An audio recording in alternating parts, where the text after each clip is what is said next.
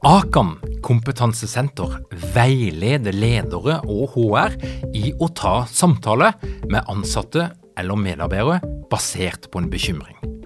Akan setter ledere og medarbeidere i stand til å forebygge og håndtere en problematisk bruk av alkohol, narkotika, legemidler, spill eller doping blant ansatte. Ønsker du å lære mer om god forebygging og gjennomføring av samtale med en som du er bekymra for? Da kan du nå få tilgang på Akan sitt digitale samtalekurs til spesialpris, kun 760 kroner.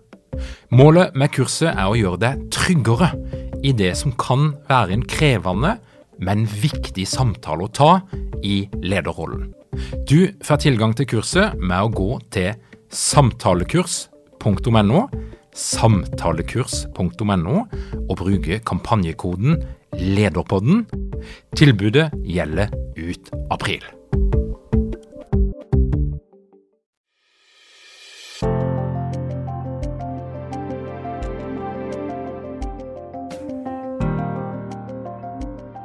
Velkommen til Lederpodden. Lederpodden er en podkast for deg som er interessert i ledelse, og som ønsker inspirasjon i ditt eget lederskap. Temaet i dag det er ledergruppe. Hva skjer i ei ledergruppe når ei krise inntreffer? Og da snakker vi selvfølgelig om den tida vi er inne i nå, nemlig koronakrisa.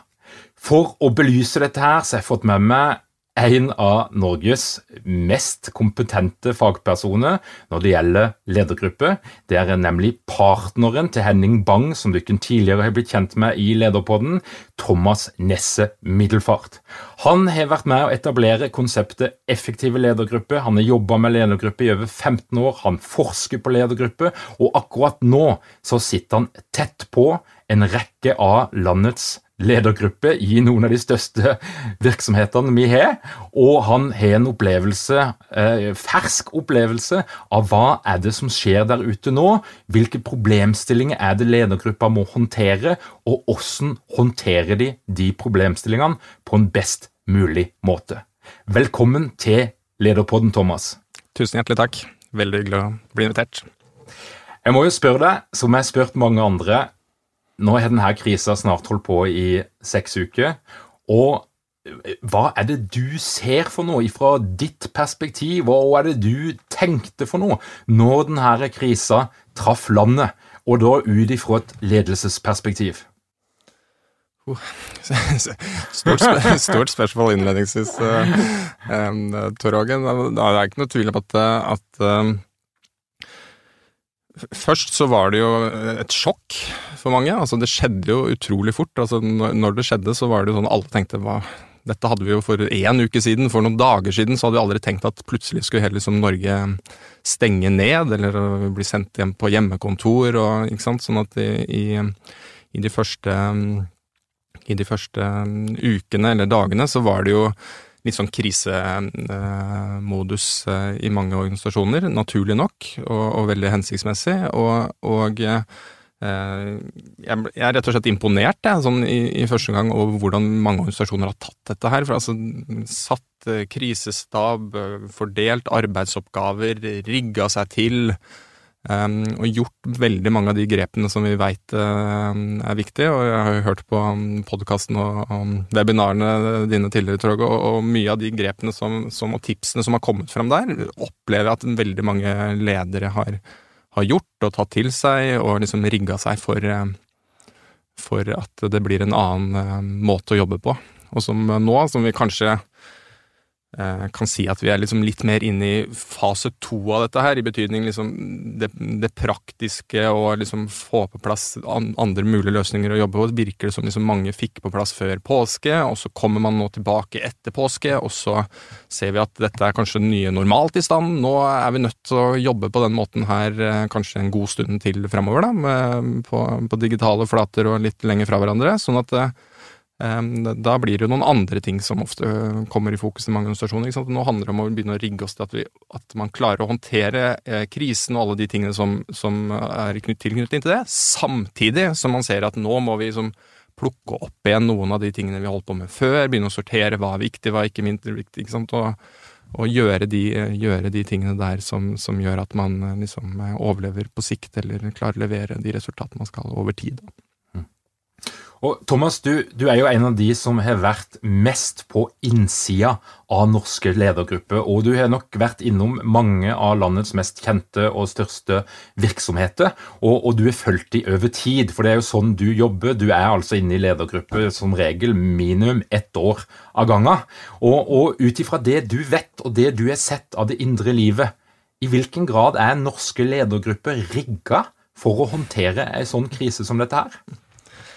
Altså det som, det som um, jo er litt interessant å se nå, da, det er jo at hvis vi forenkler det litt, så, så ser du liksom to ulike si, scenarioer, eller hva som skjer i ledergrupper i, i norske virksomheter nå. ikke sant? Du har du har de ledergruppene der hvor eh, denne pandemien og utfordringene med det har blitt en sånn felles eh, fiende, en felles utfordring. ikke sant? Man snakker jo om at noe av det beste måten å få dratt eh, ledergrupper sammen og grupper sammen, ikke sant? få de til å liksom virkelig oppføre seg som en team, det er når man liksom får en felles utfordring eller en felles oppgave man må løse, eller en felles fiende. Og i noen grupper så ser vi jo at det er det som er tilfellet. Jobber annet med en en um, gruppe som har fungert sånn halvbra. Det har vært litt sånn småkonflikter og skurra litt i samarbeidet dem imellom. Men nå, når denne krisen kom Altså, de har aldri støtta hverandre bedre. De snakker sammen hver eneste dag. De er tydelige og samstemte i kommunikasjonen. Og de der tingene som irriterte dem litt før, da, ikke sant? det at Ola alltid tenkte med kjeften åpen og liksom var på sida av, greiene Det er ikke så irriterende lenger. Og det at Kari før, som var så utrolig rigid og planmessig og strukturfascist, Plutselig så ser vi at det er jo en utrolig bra egenskap å ha når vi skal håndtere denne situasjonen her. Eh, ikke sant? Sånn at noen av disse ledergruppene har rett og slett dratt seg med sammen og fungerer bedre enn, enn, de, har gjort, eh, enn de har gjort tidligere. Og det er jo Vi vet jo både fra norsk og internasjonal forskning at um, at ledergrupper opplever at mye av tiden de bruker sammen er uproduktiv, bortkasta tid. Det var en undersøkelse for noen år siden som viste at 40% av tida man bruker sammen i ledermøter, liksom oppleves som, som uh, uproduktiv tid. og da nå har jo virkelig mange ledergrupper liksom nå er det cut to crap, nå er det rett på sakene, nå er det sortering av hva som er viktigst. Sånn, de, de, får til ting de ikke har fått før. Så Det er liksom det ene scenarioet. Og så er det ikke noe tvil om at vi har et annet eh, scenario her i noen grupper òg, og det er der hvor de merker at det som skurra litt før i samarbeidet mellom oss, eller det som er litt krevende, det har liksom tilpassa seg. De dynamikkene som var utfordrende tidligere, de, de har forsterka seg nå, nå gjennom eh, krisen, ikke sant. Og de ser at, um, at um, folk stuper veldig ned i egen enhet, egen linje, som er veldig naturlig når du ser en sånn krise. ikke sant? Rydde opp hvordan, hvordan ser det ut hos meg, men veldig lite det som så fint heter T-lederskap. ikke sant? Lite å se seg til siden mot um, kollegaene sine.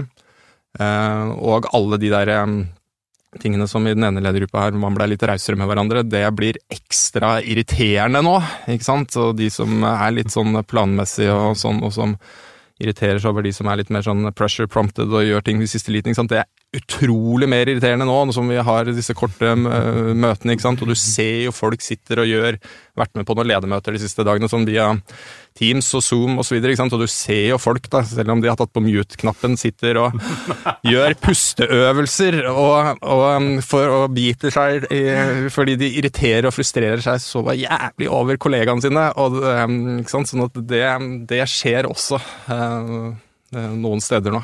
Definitivt. Et veldig godt bilde. Og hvilke problemstillinger er det som, som dukker opp nå? For dette, dette, her er jo utrolig bransjeavhengig. Noen bransjer de blomstrer jo nå. Dagligvarehandel på nett. Alle som driver med netthandel, de melder om økt salg. Noen eh, er jo i ferd med nesten å legge ned virksomheten sin, men de aller fleste er jo på en eller annen måte prega av det som skjer. Men i de virksomhetene som du er inne i, hvilke problemstillinger er det som dukker opp som de viktigste?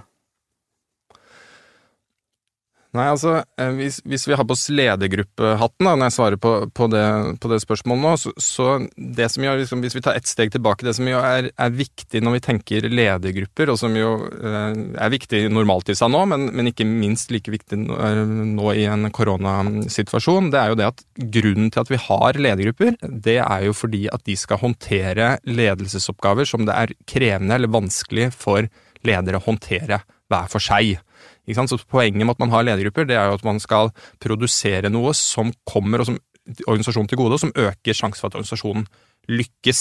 Det skal produseres en tilleggsverdi. Og hvis vi setter det litt på spissen, så kan du si at ledergrupper har tre hovedoppgaver, eller tre ting de skal levere på, eller er særlig velegna. Og det er retning, altså tydelige mål og prioriteringer det er um, det som um, samstemthet, eller enstemmighet, eller det som så fint heter alignment på, på, engelsk. ikke sant? Det at organisasjonen henger sammen som en organisme og ikke går i beina på hverandre osv. Og, så og det er um, gjennomføring i betydningen liksom følge opp ting og sikre at ting blir gjennomført, men også uh, fjerne hindre og legge til rette for at organisasjonen klarer å levere på de prioriteringene man setter.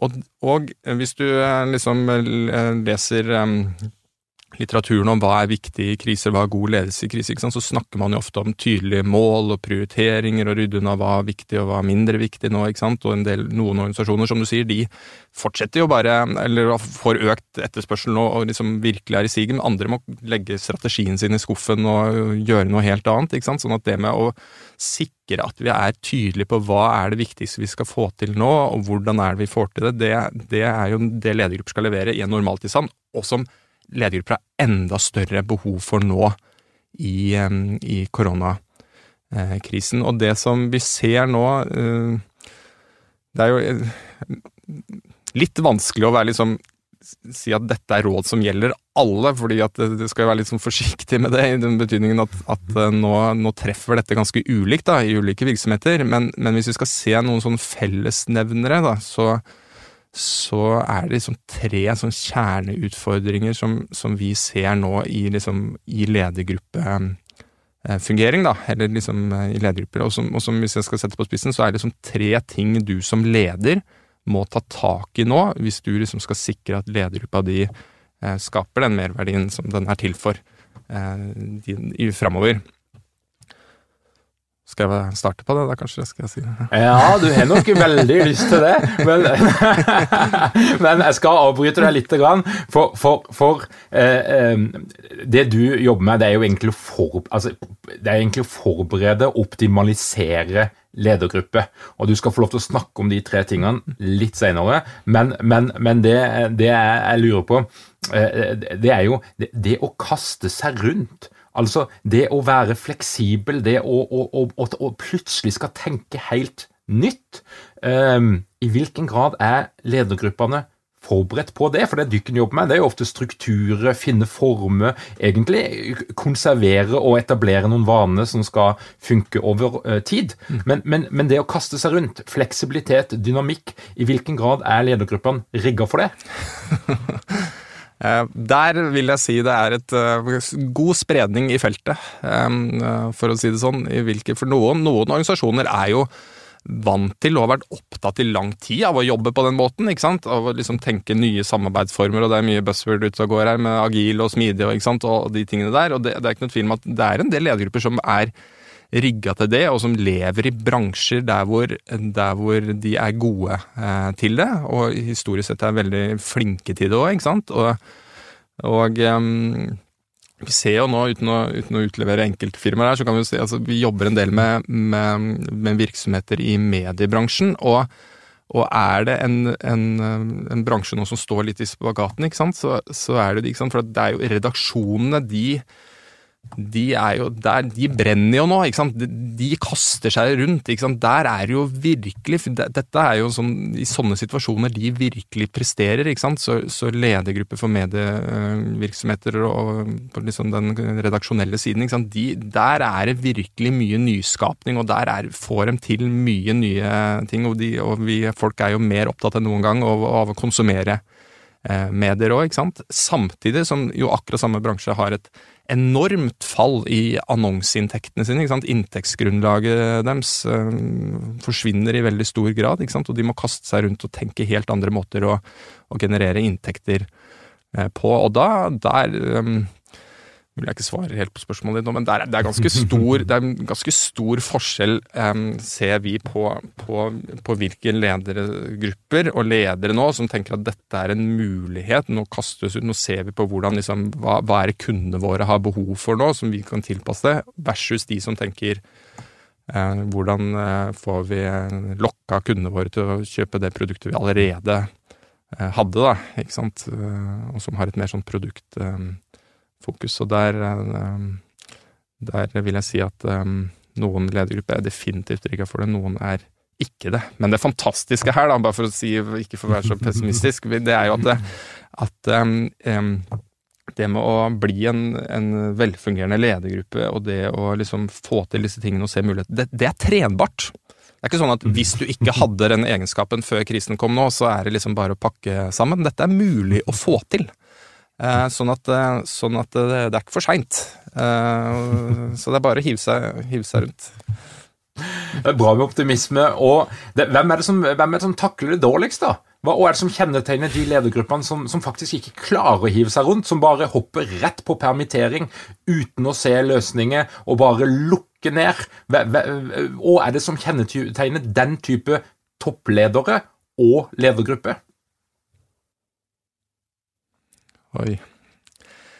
Ja, vi, vi, det er jo det er mange ulike spor å, å følge på det spørsmålet. Altså, det som, det som um, um, jo um, er noe av kjerne egenskapene hos de ledergruppene som virkelig lykkes, og også de som evner å kaste seg rundt, det er jo de som, som evner å sette seg liksom litt opp i helikopterperspektivet og se utover sitt eget område og det ene ansvarsområdet du, du selv liksom har ansvar for å, levere resultater på. ikke sant? Sånn at uh, i de ledergruppene der hvor det har gnissa litt før, der hvor det har vært lite grad av samarbeid mellom, mellom, uh, mellom siloene, og hvor, og hvor, de har liksom tålt Hvis det har vært litt relasjonelle ting, eller de har tålt liten grad av, av uenighet eller konflikt, der, de, de er jo de som sliter mest nå. Og det er ikke bare du kan si de kommer i to kategorier. De, de kommer i, i, i, kategorien der hvor det liksom Jo, det er Det fungerer litt dårlig, og, og, og det er um,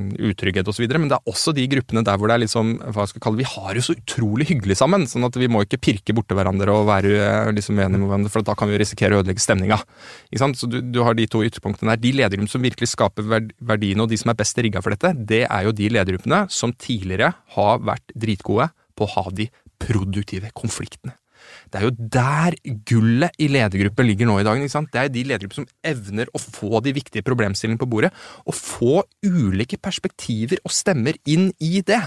Ikke sant? Det er jo hvis det er én ting du skal få til i ledergrupper i en normaltilstand, og særlig nå, under den situasjonen her nå, det er at man får sortert ut hva er det som er de viktige problemstillingene, og hva er det ikke, og så bruke ordentlig tid på de problemstillingene, og sørge for at du har det som så fint heter produktive konflikter, altså uenigheter, konstruktive kontroverser, altså sørge for at du får fram ulike perspektiver, meninger. Det er jo der gullet ligger, og det er der du må bruke ledergruppa di nå, for ikke til forkleinelse for alle de smarte topplederne, og det er eh, høy IQ og lang erfaring og mye smarte folk der ute. Men det er sånn at grupper, hvis du bruker dem på riktig måte, kommer fram til bedre beslutninger. De er mer kreative. De, de kommer fram til løsninger som ikke folk klarer å tenke ut hver for seg. Og da må du bruke gruppa til det. Sånn at um, de gruppene som har vært gode på det før, som har tålt uenigheter, de er de som også nå står liksom styrka eh, her nå, fordi at de uenighetene er helt avgjørende når du skal ta beslutninger i stor usikkerhet. Du skal ta beslutninger som du har altfor lite data til å vite om er gode eller ikke dårlige, ikke sant? og det skjer mye fortere. De ledergruppene, de, de som har investert og fått til det, de eh, står definitivt best mulig rigga nå. Jeg snakker med en del ledere og HR-folk for tida, og eh, noe av det de nevner, det er at det å følge opp medarbeidere som ikke fungerer særlig bra, eller det å ta de tøffe diskusjonene, de nødvendige diskusjonene, det å få litt temperatur, det opplever de som svært utfordrende å gjøre på avstand mm. gjennom virtuelle kommunikasjonskanaler. Er dykken mange ledere uten trening eller utdannelse innen ledelse? Mangler dykken en felles kultur og praksis for ledelse? Ønsker dykken å være bedre rustet for fremtidig vekst og endring? Da kan et internt lederutviklingsprogram være en god investering. I Execu er vi eksperter på å designe og gjennomføre bedriftsinterne lederutviklingsprogram. Hvis du ønsker å lære mer om hvordan vi kan hjelpe dykken til å få enda bedre ledere, ta og klikk deg inn på execu.no.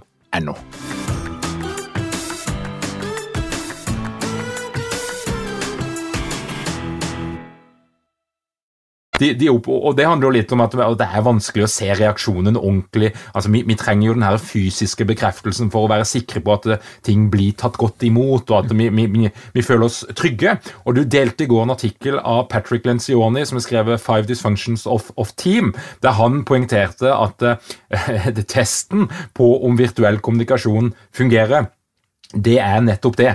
I hvilken grad er det lov å ha konflikter, og da snakker vi altså om de faglige konfliktene, faglig uenighet, på virtuelle kanaler. Mm. Og, og, tenker du om det, Thomas? Mm. Nei, um, um, det var, jeg syns jo den artikkelen han Lencioni la ut um, la ut i, i, går, var liksom veldig spot on. for det han sa, hvis du, ikke har hatt et, hvis du ikke har hatt en skikkelig diskusjon på Zoom enda, så har du ikke fungert eh, godt som, som team. Um, og Poenget hans er jo, ikke sant, som vi snakka om i stad, altså at du trenger de, de, trenger de uenighetene. Og det opplever ledergrupper nå, og ledere generelt, det er ikke bare grupper, men det er i én-til-én-kommunikasjon og sånn, at det er litt vanskelig. Så er det jo interessant å spørre seg hvorfor er det sånn? Uh, og det er som du sier, det kan tenkes at det er noe med for det er responsen litt sånn altså Den mellommenneskelige kontakten Vi må i hvert fall trene oss til det, for den, den, er litt forsinka, det hakker litt av og til, ikke sant? og du får ikke alle de der kroppsspråksignalene og ting du plukker opp i et rom. Altså, de er litt vanskeligere å plukke opp. Eh, nå, ikke sant? Sånn at du ser liksom ikke like mye av folk, og, og, og den eh, mellommenneskelige kommunikasjonen blir hakket mer eh, krevende. Og så, og så kan det være et poeng at eh, vi er litt mer forsiktige med å gjøre det, for at vi er litt usikre på på hva, hva, hvis vi blir ordentlig uenige, da, eller hva hvis vi liksom tråkker hverandre på tærne? Klarer vi å reparere det etterpå? Fordi at uh, I normalsituasjonen da, så tenker vi at da tar vi oss en, en prat ved kaffemaskinen, ikke sant? og så får vi liksom smurt det litt igjen hvis vi tenkte at nå liksom gikk vi litt for tett på hverandre eller sa noe som vi angrer på. Men nå, nå, har vi jo ikke den muligheten. ikke sant? Nå sier vi jo takk for i dag, og så trykker vi på den røde knappen, og så ser vi jo ikke folk igjen, ikke sant? Og så, og så blir Eh, så blir, eh, så blir, folk litt mer forsiktige. Min påstand er at vi overvurderer eh, hvor annerledes det er, og hvor eh, mye mer farlig det er å ha konflikter og gode samtaler og ta opp de vanskelige tingene digitalt og eh, versus fysisk. Altså, det trenger ikke vi, vi, vi, må ikke gjøre det til en større greie enn en det er her nå. Vi må liksom tenke, vi må prøve det, bare hoppe ut i det. Um, jeg mener, med mindre jeg husker feil så mener jeg at det er ganske mye forskning etter hvert innenfor vårt eh, fagfelt da, i forhold til terapi, som viser at virtuell terapi, altså, som gjennomføres digitalt, sånn som vi sitter her nå, det har like god effekt som terapi der hvor folk sitter i samme rom, og vi tenker at vi liksom, det er noe viktig som skjer i relasjonen når vi sitter sammen. Nei, det uh, er ikke så mye forskning som tyder på at vi kan få til det samme. Um, sånn at, og det kan du få til ved ved virtuell Og vi har de siste uka før påske så gjennomførte jeg masse av det som eh, så, så fint heter trialogsamtaler, altså samtaler med oss, eh, lederen og, og, og lederen under, for å liksom avstemme forventninger, gi hverandre tilbakemeldinger. og Samtaler som er ofte veldig gode, men kan være krevende, og man skal si ting, avklare forventninger hverandre, og, og kanskje liksom tenke at nå, nå, nå, skal jeg ta opp noe som jeg syns er krevende å ta opp. Og, og jeg var også spent på vil det funke virtuelt. Ja, det funker virtuelt. Så, så så jeg tenker at det er ingen grunn, det er en dårlig unnskyldning for ledergrupper og ledere å tenke at vi må spare på de vanskelige diskusjonene og sånn nå, eh, fordi at det, det er ingenting i liksom det digitale som tilsier at det ikke er mulig å få til. Og da håper jeg at alle hører det. Ikke, ikke stopp prosessene, ikke sett det på hold. Dette her kommer til å vare litt. Sånn at, og det handler jo litt om at skal du ha forutsetningene for å takle den fremtida som nå kommer, så tenker jeg da, da trenger du de prosessene. Og hvis du da putter på pauseknappen og tenker at så er vi tilbake igjen sånn ut i januar 2021, så, så mister du jo et eller annet, en eller annen mulighet på veien. Mm, definitivt. definitivt. Thomas, de, de, lederne som du jobber med, du, du, har jo sett mange ledere. Noen er såkalte dysfunksjonelle, noen har du vært med å trene så de blir gode eller bedre enn det de var. Eh, hvilke ledere er det som skinner nå? Som, som, som virkelig wow, er på sin sånn, topp og som, som, funker på sitt optimale. Kanskje de til og med funker betydelig bedre enn det de gjør i en normal driftssituasjon? Ja, altså det, det, er ikke noe tvil om at uh, hvis vi tenker litt sånn i personlighetsdimensjoner, så, så, så, er det jo en fordel for de lederne som har en viss grad av planmessighet i seg, i forhold til å klare å strukturere eh, hverdagen sin og liksom planer og, og, rydde opp i litt ting og sortere og, og, og sånne ting. Så, så de, de, har jo sånn sett en fordel. Jeg vil, jeg vil jo påstå at de lederne som, som virkelig um, blomstrer nå, det er jo de som eh, tør å legge mye vekt på det, på det relasjonelle og liksom omgjengeligheten, og er opptatt av hvordan folk har det. Um, og dette kan høres ut som sånn psykobabbel, og selvfølgelig må liksom når to psykologer sitter og prater sammen, så må vi liksom prate om at uh, jo, det, er, det, er, viktig med, med relasjoner og, og, samarbeid uh, mellom folk, men dette er ikke psykobabbel. Altså, det er um, Selvfølgelig er det, og dette er ikke uh, gjensidig utelukkende, det er ikke sånn uh, tydelige prioriteringer, forventninger til produktivitet, til hvordan man skal løse det. Det er selvfølgelig viktig, men folk kommer ikke til å høre på deg, og kommer ikke, med mindre de opplever at de ser deg, at du er opptatt av hvordan de har det, og folk reagerer veldig ulikt, og det må det være rom for i denne krisen. ikke sant? Noen blir i sånn der tunnelfokus og tenker fader, nå skal jeg sitte hjemme og jobbe på, kjøre på, dette er helt fantastisk, og jeg er egentlig litt sånn type som syns det er litt slitsomt å møte folk, så dette er liksom helt fantastisk. Mens andre bekymrer seg og er urolige. Og de lederne som virkelig får folk til å blomstre rundt seg og skape gode resultater, de er opptatt av hvordan folka sine, lederne eller medarbeiderne, har det de eh, tar og ringer ikke og, Eller går på videomøter, og, og, og, ikke fordi de nødvendigvis har en melding å si at dette er, 'nå har jeg et eller annet jeg skal si, og nå er det viktig at du gjør dette her', og 'her er en tilbakemelding på den oppgaven', osv. Men de spør. Tor Åge, hvordan, hvordan går det med det? Eh, hvordan har du det om dagen? Hva er det du opplever at du lykkes med? Hva syns du er utfordrende? Hvordan syns du denne fjernledelsen uh, mellom oss virker? Er det noe jeg gjør som jeg kan gjøre at det uh, blir en bedre støtte for deg? Hva er det jeg har gjort til nå som det er viktig at jeg fortsetter med? Fordi at du tenker det funker, det kan jo jeg ha noen hypoteser om, men, men sannsynligvis så, så, er det lurt å spørre om det. Sånn at det er de, de lederne som er litt på den relasjonelle eh, banehalvdelen, um, de kommer, de, de, får folk rundt deg til å prestere bedre, og jeg er ganske sikker på også at de kommer styrka ut av dette. Altså De bygger relasjoner og trygghet i teamene sine og gjør at de teamene faktisk eh, kommer ut av dette og kanskje er mer bedre presterende enn det de var før de, før de gikk inn i den situasjonen. Mm. Og nå, Thomas, nå skal du få lov til å komme med gulltipsene dine. Nå sitter det ledergrupper der ute, dysfunksjonelle og effektive. Og de, det er to løp som skal håndteres. da. Det ene er å håndtere krisa og de problemstillingene som kommer. Og så handler det om å planlegge for framtida og, og, og, rigge organisasjonen sånn at den faktisk kan takle eh, hvis dette her blir en langvarig tilstand, eller at verden ser ganske annerledes ut når vi kommer ut på andre sida av covid-19-krisa. Hva bør de ledergruppene sette i gang med nå? Før jeg, før jeg, kommer til de konkrete tingene, så, må jeg bare si en, altså, eh, tips null, holdt jeg på å si, eh, som må ligge til grunn for dette her. Eh, litt sånn reft det vi snakka om i stad, det er at, at man må først og fremst så må man gi hverandre litt slack under denne perioden. Altså man må være litt rause med hverandre. Fordi at um, um, en del av de egenskapene vi har uh, som mennesker uh, La oss ta meg som eksempel, da, som er uh, ganske strukturert og planmessig og har lister over ting og godt forberedt og alle de tinga der, som, som, både familien min og, og, og kundene forhåpentligvis liksom drar nytte av. Da, ikke sant? Jeg har en dansk svigerfamilie. Jeg har aldri kommet ned langt ned i Syd-Danmark der om jeg har glemt noe. Ikke sant? Vi har pakkelister, og alt er med. Så der er liksom Eh, og noen ledere er, eh, er, liksom tydelige, og noen er omsorgsfulle, ikke sant? og kan være, noen kan være grundige. Det er forskjellige sånne egenskaper ledere har nå. De har, når vi blir litt under press, så kan de egenskapene ha en tendens til å forsterke seg. Vi får det som så fint heter overslag, ikke sant? at det blir for mye av det. ikke sant? Sånn at strukturfascismen min blir rigiditet og firkantethet, og den grundige blir omstendelig, og den tydelige blir over... ikke sant? Noen av de egenskapene forsterker seg når vi er under press det må vi gi hverandre litt slack for. Så jeg slår et slag for at man må være litt sånn rause med hverandre i dette her. Og det er når det kommer eh, treåringer inn under uh, utrolig viktige strategiske diskusjoner på Teams, ikke sant? Så, så, det må vi tåle litt mer. Så det, det må jeg bare si innledningsvis.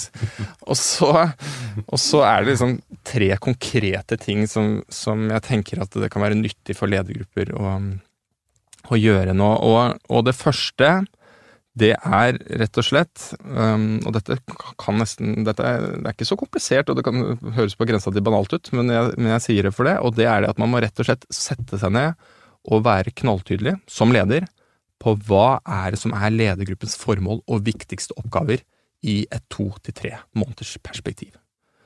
Fordi det er sånn at eh, mange ledere tenker at liksom på, på, en sånn, på en sånn implisitt måte så forstår alle hva vi skal drive med nå, osv.? Men det blir litt som å si at, eh, at eh, nå skal vi på tur i skogen, eh, og så er kanskje alle enige om at det var Nordmarka, men, men vi visste ikke egentlig at det var Kikkut vi skulle til. Og som, og som leder så må du være knalltydelig på hva er det, hvilke oppgaver er det vi skal bruke tid på sammen nå, og hvilken er det vi kan rydde ut av agendaen. En sånn grunnforutsetning for å bli en effektiv ledergruppe er liksom en felles forståelse av hva er våre viktigste oppgaver, og det er nesten enda viktigere eh, nå under krisen, fordi at det tidligere sakskart og det man dreiv med tidligere, det mm, står seg ikke lenger. Sånn at man må, man må revidere det.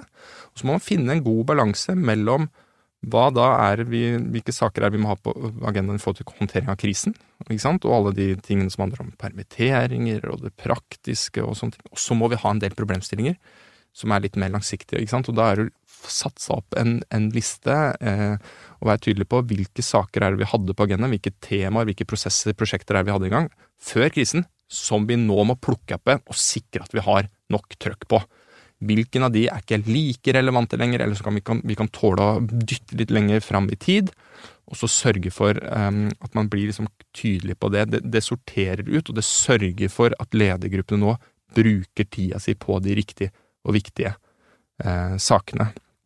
Sørge for at du får opp de sakene der hvor det er viktig med ulike perspektiver osv. Og, så og, og, og, presse seg selv da, som leder til å, å sette opp et, et formål de viktigste oppgavene med faktisk de sakene som også er litt krevende, altså ref det å tørre å ha de vanskelige, vanskelige sakene på agendaen, og også de sakene der du veit det er ulike synspunkter.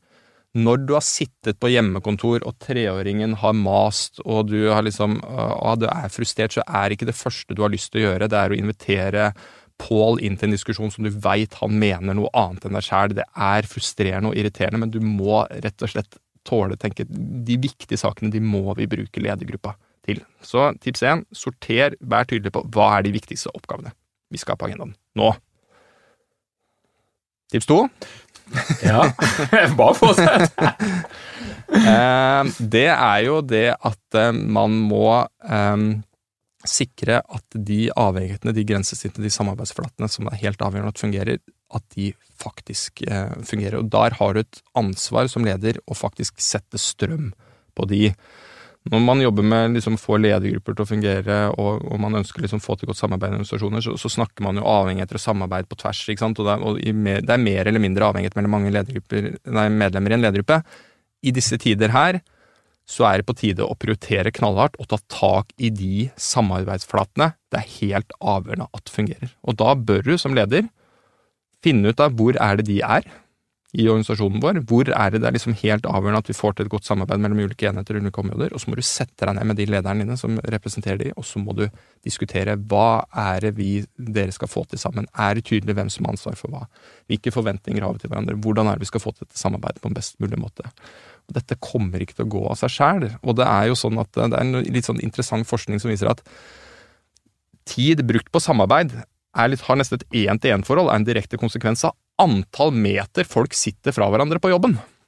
Ikke sant? Så jo færre centimeter Altså, de har jo målt på helt sånn derre eh, mikronivå her, på hvor langt er det folk har liksom kontorpulten sin unna hverandre. Jo, mer, jo mindre samarbeider, jo lenger mange centimeter det er, holdt opp, meter det er fra hverandre. Og det nå er jo, sitter jo alle langt fra hverandre på hjemme, hjemmekontor. Man ser hverandre ikke like ofte, blir ikke minnet på at man, man, man trenger osv. Og, så og, og det er masse ting på hjemmebane som skjer med hjemmeskole osv. som gjør at du liksom har, har um, agendaen din full, og da, og da er det lett å, å, glemme å ta tak i de samarbeidsflatene som skal skal funke. Så, så, som leder så må du ikke mm, tenke sånn at det går seg til helt av seg selv. Du, må, du har et ansvar for å faktisk gå inn i de samarbeidsflatene som trenger å funke. Kjære leder, her har du et par ting å ta tak i som du kan bare gjøre nå. Eller kanskje ta det rett, rett over helga. Thomas, tusen takk. Du, du, skal jo være med oss eh, neste torsdag, 23. april. Da skal vi kjøre et webinar eh, klokka åtte på kvelden, sånn etter leggetid. Det er jo ikke tilfeldig i det hele tatt. Og du er jo da en av seks eksperter innenfor psykologi og ledelse som, som, skal dele sine fem viktigste læringspunkter, som da er til, til inspirasjon og læring for ledere, folk som jobber med HR og den slags. Og det er jo da mulig selvfølgelig å melde seg på allerede nå og det gjør du på ledekrise.no. Og så må jeg jo si da, Det er litt morsomt å se eh, på LinkedIn. Noen av oss har jo vært ganske aktive digitalt fra før av, eh, men det som en ser der ute nå, det er jo at folk i vår bransje de kaster seg rundt, de skriver kronikker, de deler webinarer, de setter opp altså digitale kurs, og, og, det er jo en sånn overaktivitet, og noen, syns jo at det blir litt mye både psykolog og konsulent i monitor, for her er det råd å få. og, og, sånn avslutningsvis, så tenker du da om, om denne bransjen og, og, veien videre? For det er jo en, en, bransje som eh, forretningsmodellen tilsier at folk skal være sammen. Det er jo liksom litt av grunnpilaren i det å jobbe som konsulent, fasilitator, rådgiver. Thomas, og tenker du om veien videre for vår bransje? Ja, jeg, jeg, registrerer jo, det er jo lett et sånt dilemma man, man, man, sitter med nå som, som konsulent, om, om, man liksom skal pøse på med råd og innspill og alle greiene, eller om man også tenker at det av og til kan bli litt eh, støy da, for stakkars alle disse lederne som skal forholde seg til alle disse rådene. Jeg, jeg tror jo, altså hvis det kommer én positiv ting ut av dette greia her for, um, for, rådgivere og konsulenter, det er at man tvinges til å jobbe på måter som vi kanskje i lang tid har visst er mer eh, hensiktsmessig. Altså, det er jo slutt på dagssamlinger og, og, og, sånne ting. Så det, vi må heller ha korte, mer effektive, målretta, spisse seanser. ikke sant? Og heller kort og hyppig oppfølging istedenfor litt sånn, sånn dra på seminargreier. Og det har vi jo egentlig visst lenge at det er mer effektivt. At det er mer effektivt å trene litt hver dag enn å trene én gang eller hver eneste dag gjennom hele jula. Og sånn gjelder det med utvikling òg. Eh, sånn at eh, nå tenker jeg at eh, man kan teste ut arbeidsformer, og gjøre ting som faktisk kanskje er mer virkningsfulle. Så det er jo lov å håpe at at det er et resultat. da. At vi lærer noe av dette, som vi ikke bare går tilbake til gamlevannet. At vi faktisk gjør dette. Er lærende, sånn som ledergruppe bør være. Mm. Dette, dette, her webinaret, nei, unnskyld, dette podkasten den eh, blir altså, den, den foregjenger òg live, i tillegg til deg som nå hører på den bare i øret. Og hvis du ønsker å se med dette her, denne podkasten med film og det hele, så kan du gå inn på lederpodden.no. Og det er jo sånn at vi kommer til å, å følge opp dette her med, med nye livesendinger. Så hvis du ønsker å være oppdatert, så er det inn på Facebook skråstrek lederpodden så, og følger med der, så, så, blir du med på det som skjer eh, videre. Thomas, tusen takk for at du kom til Lederpodden. Tusen takk for at jeg ble invitert. Og takk til deg som har hørt på denne episoden. Det kommer episode hver uke, og du holder deg oppdatert på lederpodden.no. Gjerne lik de episodene du liker, det er alltid stas. Og så er vi snart tilbake.